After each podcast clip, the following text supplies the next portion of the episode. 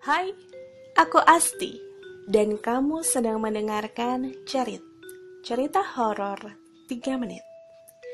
Cerita kali ini datang dari seorang teman dan merupakan kisah nyata.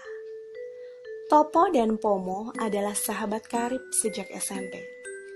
Mereka selalu bersama, saling mengunjungi satu sama lain, bahkan orang tua Pomo sudah menganggap Topo anak sendiri persahabatan itu harus terpisah jarak karena ayah Pomo yang seorang polisi berpindah tugas ke kota lain. Hal ini membuat keduanya tidak pernah berkirim kabar. Suatu malam, Topo sedang berjalan sendiri menyusuri trotoar. Sepi sekali malam itu. Pertokoan yang biasanya ramai sudah tutup. Serasa di kota mati. Tiba-tiba, ia dikejutkan seseorang. Sudah lama memang, tapi Topo masih hafal betul sosok di depannya. Pomo, sahabat lama yang sudah bertahun-tahun lamanya bagai hilang di telan bumi. Topo pun mengajak sahabatnya mampir, tapi tawaran itu ditolak dengan alasan sedang buru-buru. Sebelum pergi, sahabatnya memberi secari kertas berisi alamat dan uang untuk naik bus.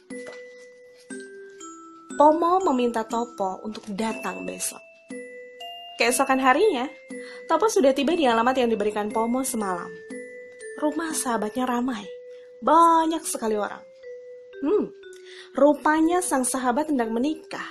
Kurang ajar juga. Dia menikah tidak kabar-kabar. Gerutu Topo dalam hati. Topo masuk disambut ibu Pomo dan kakaknya setelah berbahasa basi, ia pun ditinggal sendiri. Semuanya sibuk. Tapi, sahabatnya tidak kunjung nampak batang hidungnya. Lama menunggu, Topo pun bertanya pada ibu sahabatnya.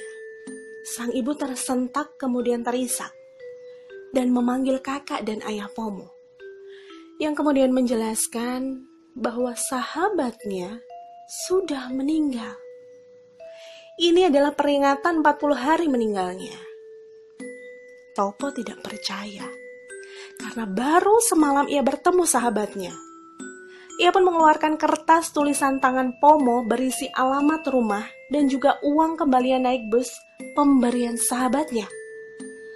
Keluarga Pomo tertegun. Nampaknya anak ini ingin memberitahu sahabatnya bahwa ia sudah pergi jauh. Sangat jauh. Ya, tidak ada yang mampu menahan kerinduan seorang sahabat, sekalipun raga sudah mulai menyatu dengan tanah.